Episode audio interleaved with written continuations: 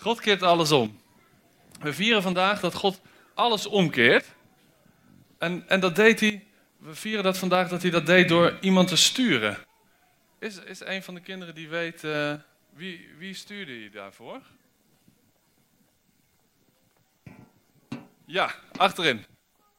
Ja, hij stuurde Jezus, ja, inderdaad. Hij stuurde zijn zoon, Jezus. En vandaag is het bijna kerst en vieren we dat verhaal van Jezus. En um, Jezus kwam naar de wereld om ons te redden. En dat was misschien wel net op een wat andere manier dan je zou verwachten.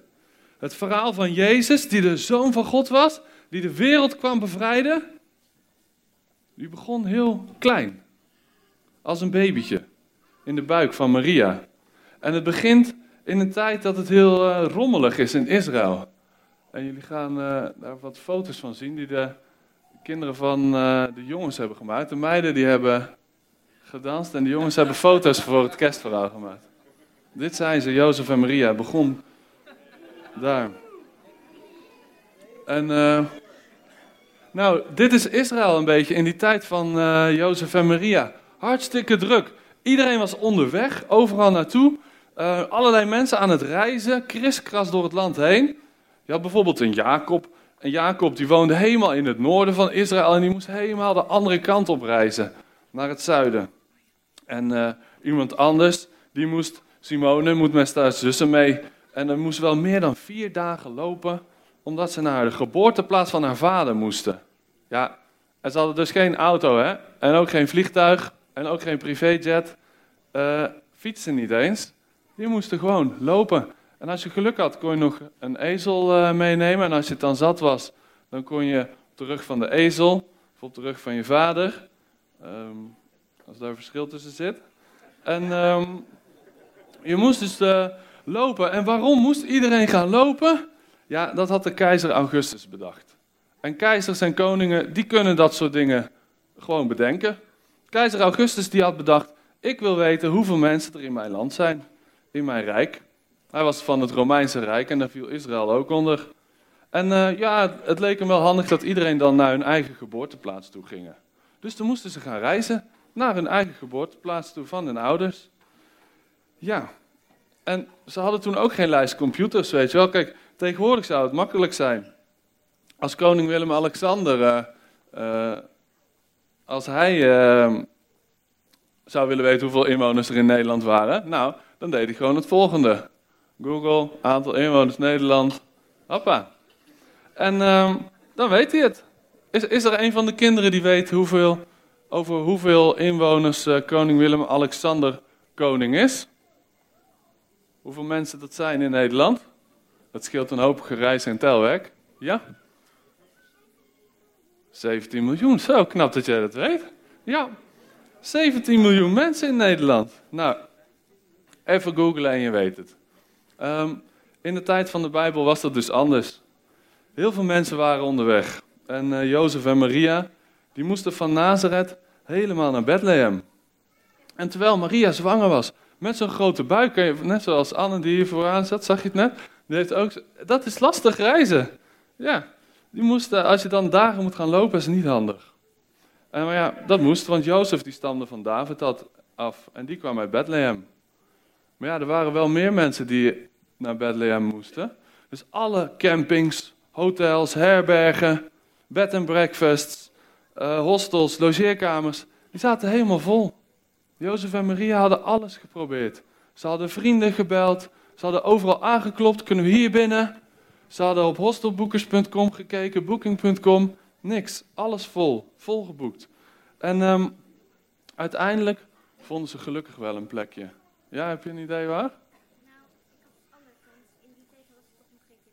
Nee, ze hadden geen telefoon. Dus dat is een beetje. Nee, ze ging ook niet bellen. Het was eigenlijk een beetje een grapje. maar ja, Jozef en Maria die vonden een plekje. En het was wel een beetje een vreemd plekje. Oh ja, dit is, was nog onderweg. Waren, ze ook, waren ook nog wat mannen op een kaneel, kameel, kaneel, kameel langsgekomen.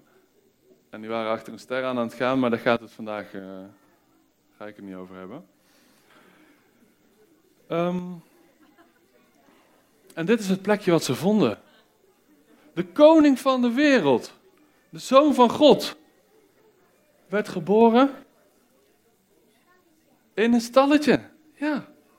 En eh, de baby, ja, hier ligt hij op de grond, maar in het verhaal, waar lag die baby? Weet iemand dat? In een krib, ja, in een soort van voerbak eigenlijk, waar de dieren uit eten en hun snuit normaal in steken. En dat is gek. Dat is helemaal niet zoals wij het verwachten. Ehm, in de plaats van dat Jezus alleen voor de rijken en belangrijke is, laat hij zien dat hij voor iedereen er is. Toevallig, even voor de volwassenen tussendoor. Hè? Ehm, toevallig hebben we pas geleden in de krant kunnen lezen dat als je macht hebt, dat het dan heel lastig is om inlevingsvermogen. Dan gaat je inlevingsvermogen, je empathie erop achteruit. Artikeltje, onderzoek, best wel schokkend. Leiders worden geselecteerd op hè, dat, ze, dat ze de kwaliteit hebben om zich in te leven in anderen. Maar als ze dan leider zijn, dan neemt die kwaliteit weer af. Dat zien we bijvoorbeeld in zo'n Trump-achtige figuur uh, vrij makkelijk.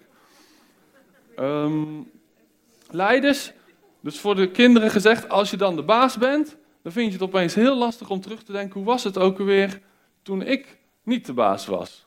Of als je volwassene bent, hoe was het ook alweer toen ik kind was? Dat vinden mensen lastig. Maar God vindt dat blijkbaar helemaal niet lastig. God die draait dat helemaal om. Hij is er voor iedereen. Ook voor de gewone mensen en de kinderen. Mensen die zwak zijn, die hem nodig hebben. Voor mensen die arm zijn. En zelfs, dat zou je niet denken, voor mensen die een beetje vreemd ruiken. Mensen die als ze op een afstandje langslopen, dat je, de, langslopen, dat je denkt, oeh, die stinkt een beetje. Er hangt een beetje gek geurtje om deze mannen heen. Ze ruiken naar een, uh, een dier. Het zijn van die mannen die op dieren moesten passen. Weet iemand uh, toevallig over welk dier ik het heb? Over schapen, ja. En naar schapen ga je gewoon ruiken, want schapen ruiken nou eenmaal. Die hebben een bondjasje aan, maar dat kunnen ze niet uitdoen. Die kan niet in de wasmachine. Dus ja, dat gaat ruiken op een gegeven moment. En als je dan heet het bij schapen bent, ga jij er ook naar ruiken. En hoe heten die mensen die op de schapen passen? Weet iemand dat? Esther? Ja, herders. En de herders die zorgen voor de schapen. En de schapen waren buiten, dus de herders die moesten ook buiten slapen. Ze hebben vast een lekker vuurtje gemaakt om zich aan te warmen. In een slaapzakje gekropen, een twee seconden tentje opgezet misschien. En uh, gingen lekker bij het vuur slapen.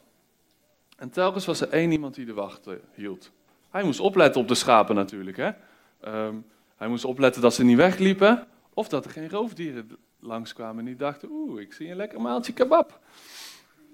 Dus de groep die lag lekker te slapen. En eentje, die zit klaar en die is de wacht aan het houden. En hij denkt aan de schapen en hij denkt, weet je wat ik doe? Ik ga ze tellen. Dan blijf ik vast wakker. Oh nee, wakker blijven. Niet denken, denk aan de kebab, dat moeten we niet hebben. Ogen open houden, niet indommelen, wakker blijven. Wees niet bang, want ik kom jullie goed nieuws brengen. Dit nieuws zal de wereld met grote vreugde vullen. Vandaag keert God alles om. De koning is geboren. Hij is de redder, de Messias, de Heer. Wow! Kan je je voorstellen, als het heel donker is en iemand doet opeens het licht aan, dan heb je sowieso al, wow, het is alsof, iemand, alsof je in het donker bent en iemand klikt opeens de stadionverlichting van de arena aan. Ja, dan zit je even zo, wow. En er staat ook nog eens een engel met goed nieuws over God, die zijn zoon als een baby heeft gegeven. De herders die zijn helemaal verbaasd. Degenen in het slaapzakken die zijn uit hun slaapzak gekropen. En die komen kijken, waar komt het licht vandaan? Wat is dat? En uh, terwijl ze zo een beetje van hun shock bekomen, komt er opeens een heel engelenleger. En de meiden die mogen even met Pauline mee, uh, mee praten, want het engelenleger dat zingt een lied en ze zingen dit. Even naar de volgende slide. Eer aan God in de hoogste hemel en vrede op aarde voor alle mensen. Ja, dit was nog niet echt een koor. Maar, meiden, doen jullie met Pauline mee? Ja? Oké, okay, dan gaan we. 3, 2, 1. Eer aan God in de hoogste hemel en vrede op aarde voor alle mensen. Wow, wat een prachtig koor. De engelen zijn de, hemel, de herders zijn de hemel van onder de indruk. Bijzonder. Ja, en volwassenen ook. Volwassenen moeten dan blijkbaar lachen als ze onder de indruk zijn. En ehm, de engelen die zijn weg en de herders die staan elkaar aan te kijken. Die denken, huh, heb jij dat ook meegemaakt? Niet normaal. Was, was ik nou, was ik het of heb jij het ook gezien? Ja, jij ook? Oeh, gelukkig, dat ben ik niet. Uh, Oké. En de ander die zegt, hé, hey, knijp me even. En uh, wow, als dit zo is, dan gaan we wat doen. En dan mogen de jongens mij even meehelpen. Dan gaan we, de herders die zeggen namelijk iets tegen elkaar. Oké jongens, zijn jullie klaar voor? We gaan naar Bethlehem. Ik wil met mijn eigen ogen zien wat er is gebeurd. Over wat God ons heeft verteld. Nou, en dan gaan ze. Onderweg naar Bethlehem. Ze gaan gelijk weg. Ze laten alles achter en uh, gaan naar de stal toe. Ze wachten niet tot de volgende ochtend en komen dan bij Maria en Jozef aan. En ze vinden het kind in de voederbak. Terwijl ze het kind zagen, als het kind zagen, vertellen ze over wat er is gezegd. Wij hebben engelen gezien en die hebben ons verteld dat hij de redder is, de Messias. Degene, God die keert alles om.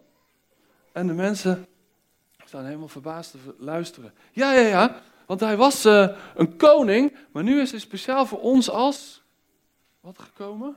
Weet een van de kinderen dat? Als baby gekomen. Ja, en uh, mensen die vermoeid zijn, die geeft hij rust. Ja, en zieke mensen, die maakt hij beter. Ja, en uh, gebroken mensen, ja, maakt hij heel, inderdaad. En gevangenen, bevrijdt hij. Ja, wauw. Zijn er, weten jullie er nog meer trouwens? Ik zag een paar dames met een t-shirt rondlopen namelijk. Wat doet hij nog meer? Wat draait hij nog meer om? Ja, zwakke mensen maakt hij sterk. Eh, ja, verdrietige mensen, wat doet hij ermee?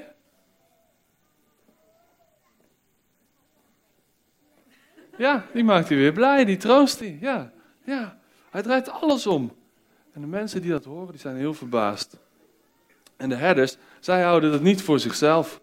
Zij gingen terug en gingen het aan allemaal mensen vertellen. En terwijl ze teruggingen over wat ze.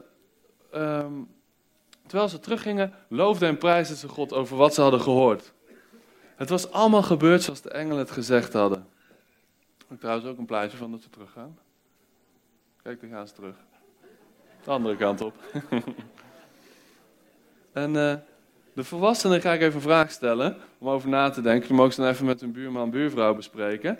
Wat denk jij dat de herders tegen elkaar zeiden op die weg terug?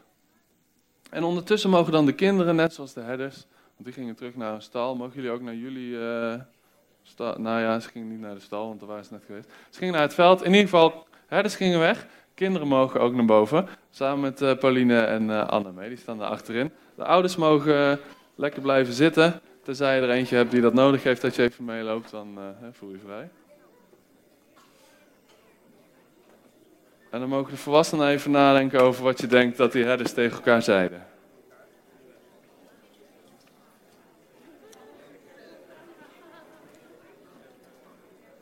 Nou, misschien uh, even één of twee uh, reacties uit de zaal. Wat, wat denken jullie dat de herders tegen elkaar zeiden? Ja, ze waren niet stil, hè? dus dat, dit klopt niet. Wat, uh, deze hoek, wat denken jullie dat, uh, waar de herders enthousiast over waren? Ja? Niet? Nee?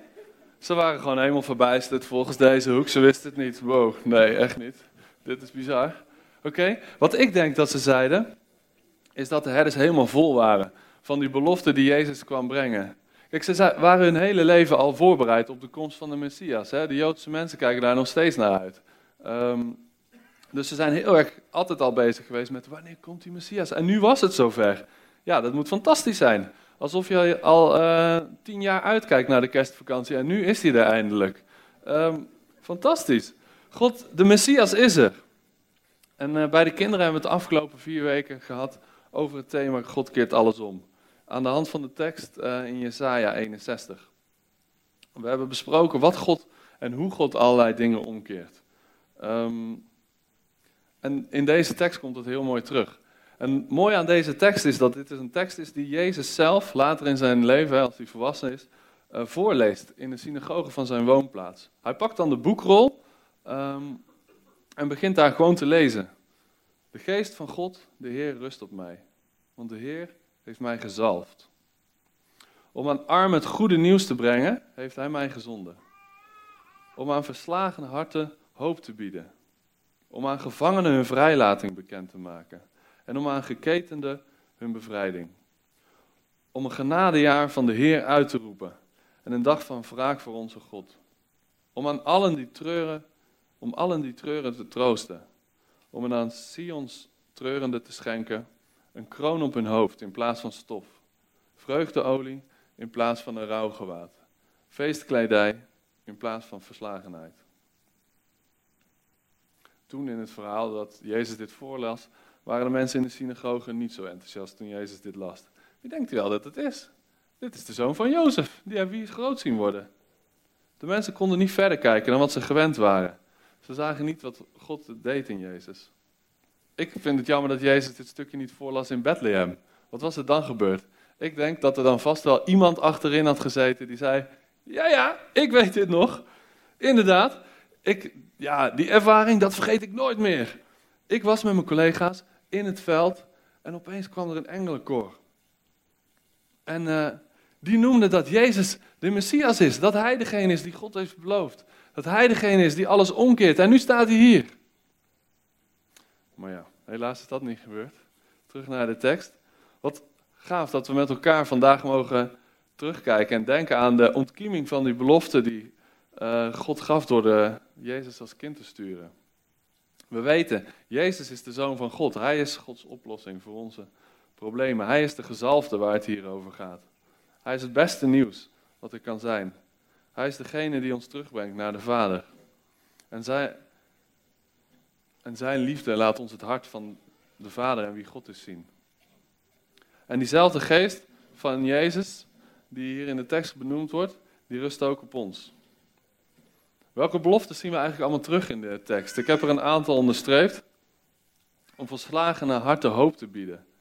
Om gevangenen hun vrijlating bekend te maken. En om aan geketenden hun bevrijding. Een genadejaar van de Heer. Alle die treuren troosten. Een kroon op hun hoofd in plaats van stof. Vreugdeolie in plaats van rouwgewaad. Feestkleidij in plaats van verslagenheid.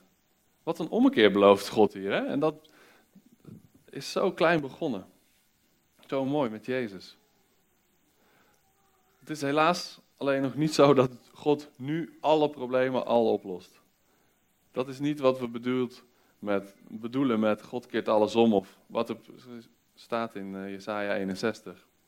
Hij fixt niet altijd al mijn problemen zoals ik graag zou willen hebben.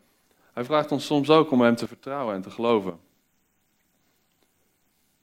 In deze wereld zie je soms de wonderen van e- Jesaja 61 al gebeuren en soms nog niet. We leven in, nou ja, de vineyards, uh, veel gezegd, de not yet. Maar dat wil niet zeggen dat God in paniek is daarmee. Ik, ik betrap mezelf daar wel eens op dat ik denk, oké, dit is echt een probleem. Ik heb die indruk bij God helemaal niet. Dat hij denkt, oh jee, help, oh not yet, wanneer? Um, sterker nog, hij, hij is, um, ondanks alle ellende, armoede, onze imperfectie en alle gebrokenheid, is hij heel dichtbij, komt hij langs zij. En dat is wat we vandaag vieren. Dat God met ons begaan is en in onze not yet langs zij komt en in onze wereld binnenstapt. Met de kinderen hebben we het gehad over verschillende manieren waarop God langs zij komt. In de kerstverhalen zie je dat heel mooi terug. Hij komt langs zij door een ster. Voor wijzen die al heel lang aan het nadenken waren over hoe, wanneer komt uh, die Messias. Hij komt langs zij met dromen met een engel, met een heel engelenleger. Hij komt langs zij in contact met anderen. Als Maria naar eh, in het contact wat mensen onderling hebben als Maria naar haar tante Elisabeth gaat. En dat vind ik gaaf aan de kerstverhalen.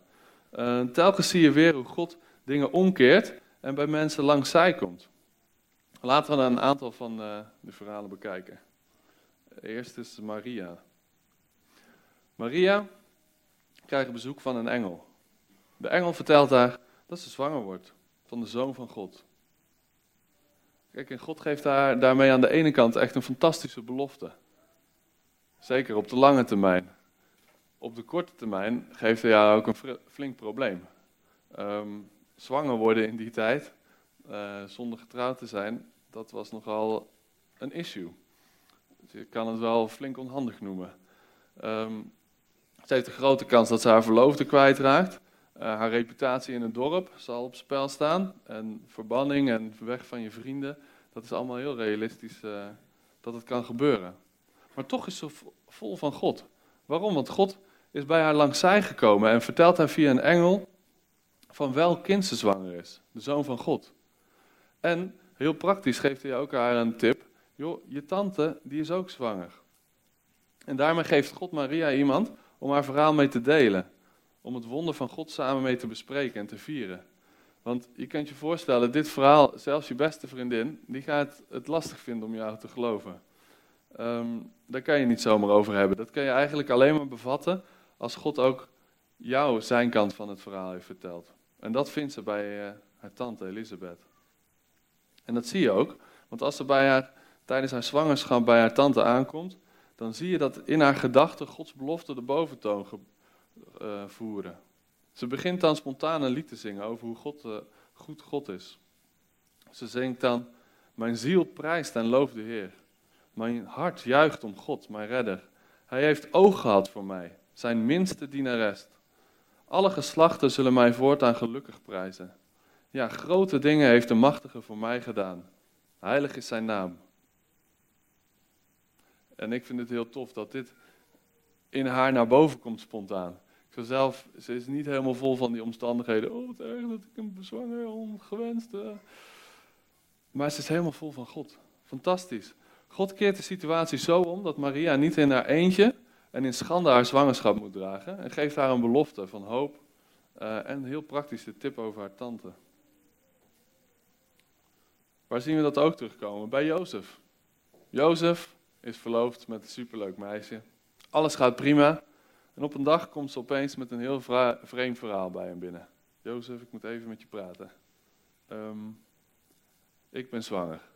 En het komt, kind komt van de Heilige Geest. Ja, dat zet je wereld op zijn kop. Dat kan ik me wel voorstellen. Wat ik ook grappig vind om na te denken is met welk gezicht zal hij naar haar geluisterd hebben. Verbaasd, enigszins wantrouwend waarschijnlijk in zijn blik, uh, vol ongeloof, of met een pokerface. Jozef kan het verhaal maar lastig verloven, geloven. En hij besluit in het geheim de verloving met Maria te verbreken. Maar ook hier komt God langs zij. Jozef droomt en er verschijnt een engel in zijn slaap. Jozef, wees niet bang om je vrouw Maria bij je te nemen, zegt de engel. Want het kind dat ze draagt is verwekt door de Heilige Geest. Ze zal een zoon baren. Geef hem de naam Jezus, want hij zal zijn volk bevrijden van hun zonde. God zet eerst Jozefs wereld op zijn kop, maar komt daarna heel praktisch bij Jozef langs zij. Uh, God vertelt via een engel wat er aan het gebeuren is en geeft gewoon een hele gerichte praktische instructie. Neem Maria als je vrouw en noem het kind Jezus.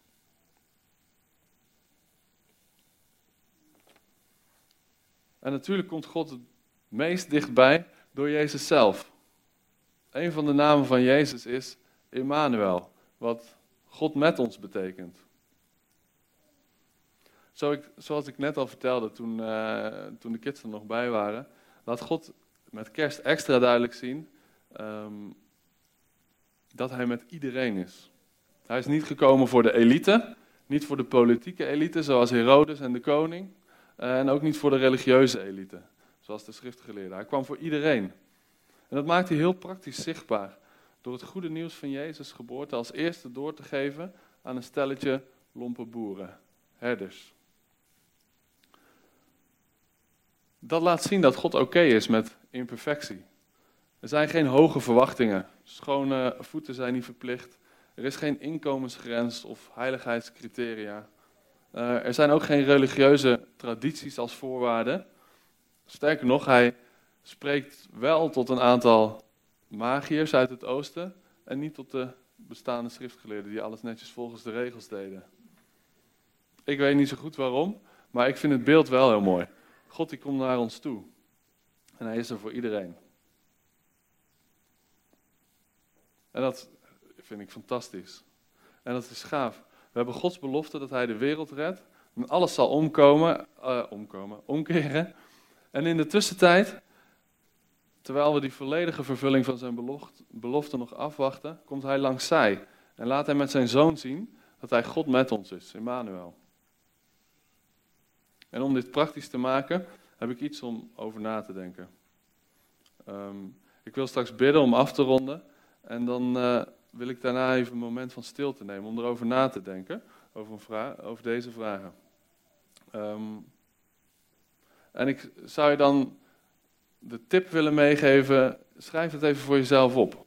Uh, op een papiertje of op, in je mobiel ergens. Um, waarom? Dat helpt om dingen gewoon praktisch te maken. En de komende tijd gericht uh, ook aandacht te geven. Dan ben je er wat intentioneler mee bezig. Um, mijn vragen zijn: in welke situatie zou je graag zien dat God iets omkeert? We hebben het nu gehad over: wow, fantastisch dat God dat doet. Maar als je naar jezelf kijkt, heb je een plek, een situatie ergens waarin je denkt: wow, dit zou gaaf zijn om een wonder van God te zien. En dan de volgende vraag is: welke um, belofte denk je dat God er tegenover zet? Welk goede nieuws van God denk je dat voor die situatie waarin je graag een omkeer zou zien, welk goede nieuws denk je dat God daar zou willen brengen? Hoe zou hij daarin langs zij willen komen? Nou, laten we bidden. Vader, dank u eh, voor uw liefde, Heer. Dank u voor uw Zoon Jezus, waarin u uh, laat zien hoe u uw beloftes, Heer, om uh, alles om te keren, Heer, heel persoonlijk maakt. En dat u een hele persoonlijke God bent die langs zij komt. Dank u wel, Heer, dat we vandaag mogen vieren hoe dat verhaal begon. Maar ook mogen vieren dat het nog steeds relevant is, ook voor ons vandaag. Heer, en uh, ja, ik wil u vragen, Heer, of u uh, op ons hart wilt leggen, Heer, als u uh, een situatie heeft waarin u iets wilt doen, Heer, dat, waar we voor mogen bidden of wat we mee mogen nemen. Mm, dat, we, dat u bij ons naar boven zou springen, Heer. En ik bid ook dat u wilt spreken in welk goede nieuws u daarin wilt geven. Welk goede nieuws u daarin wilt verbinden.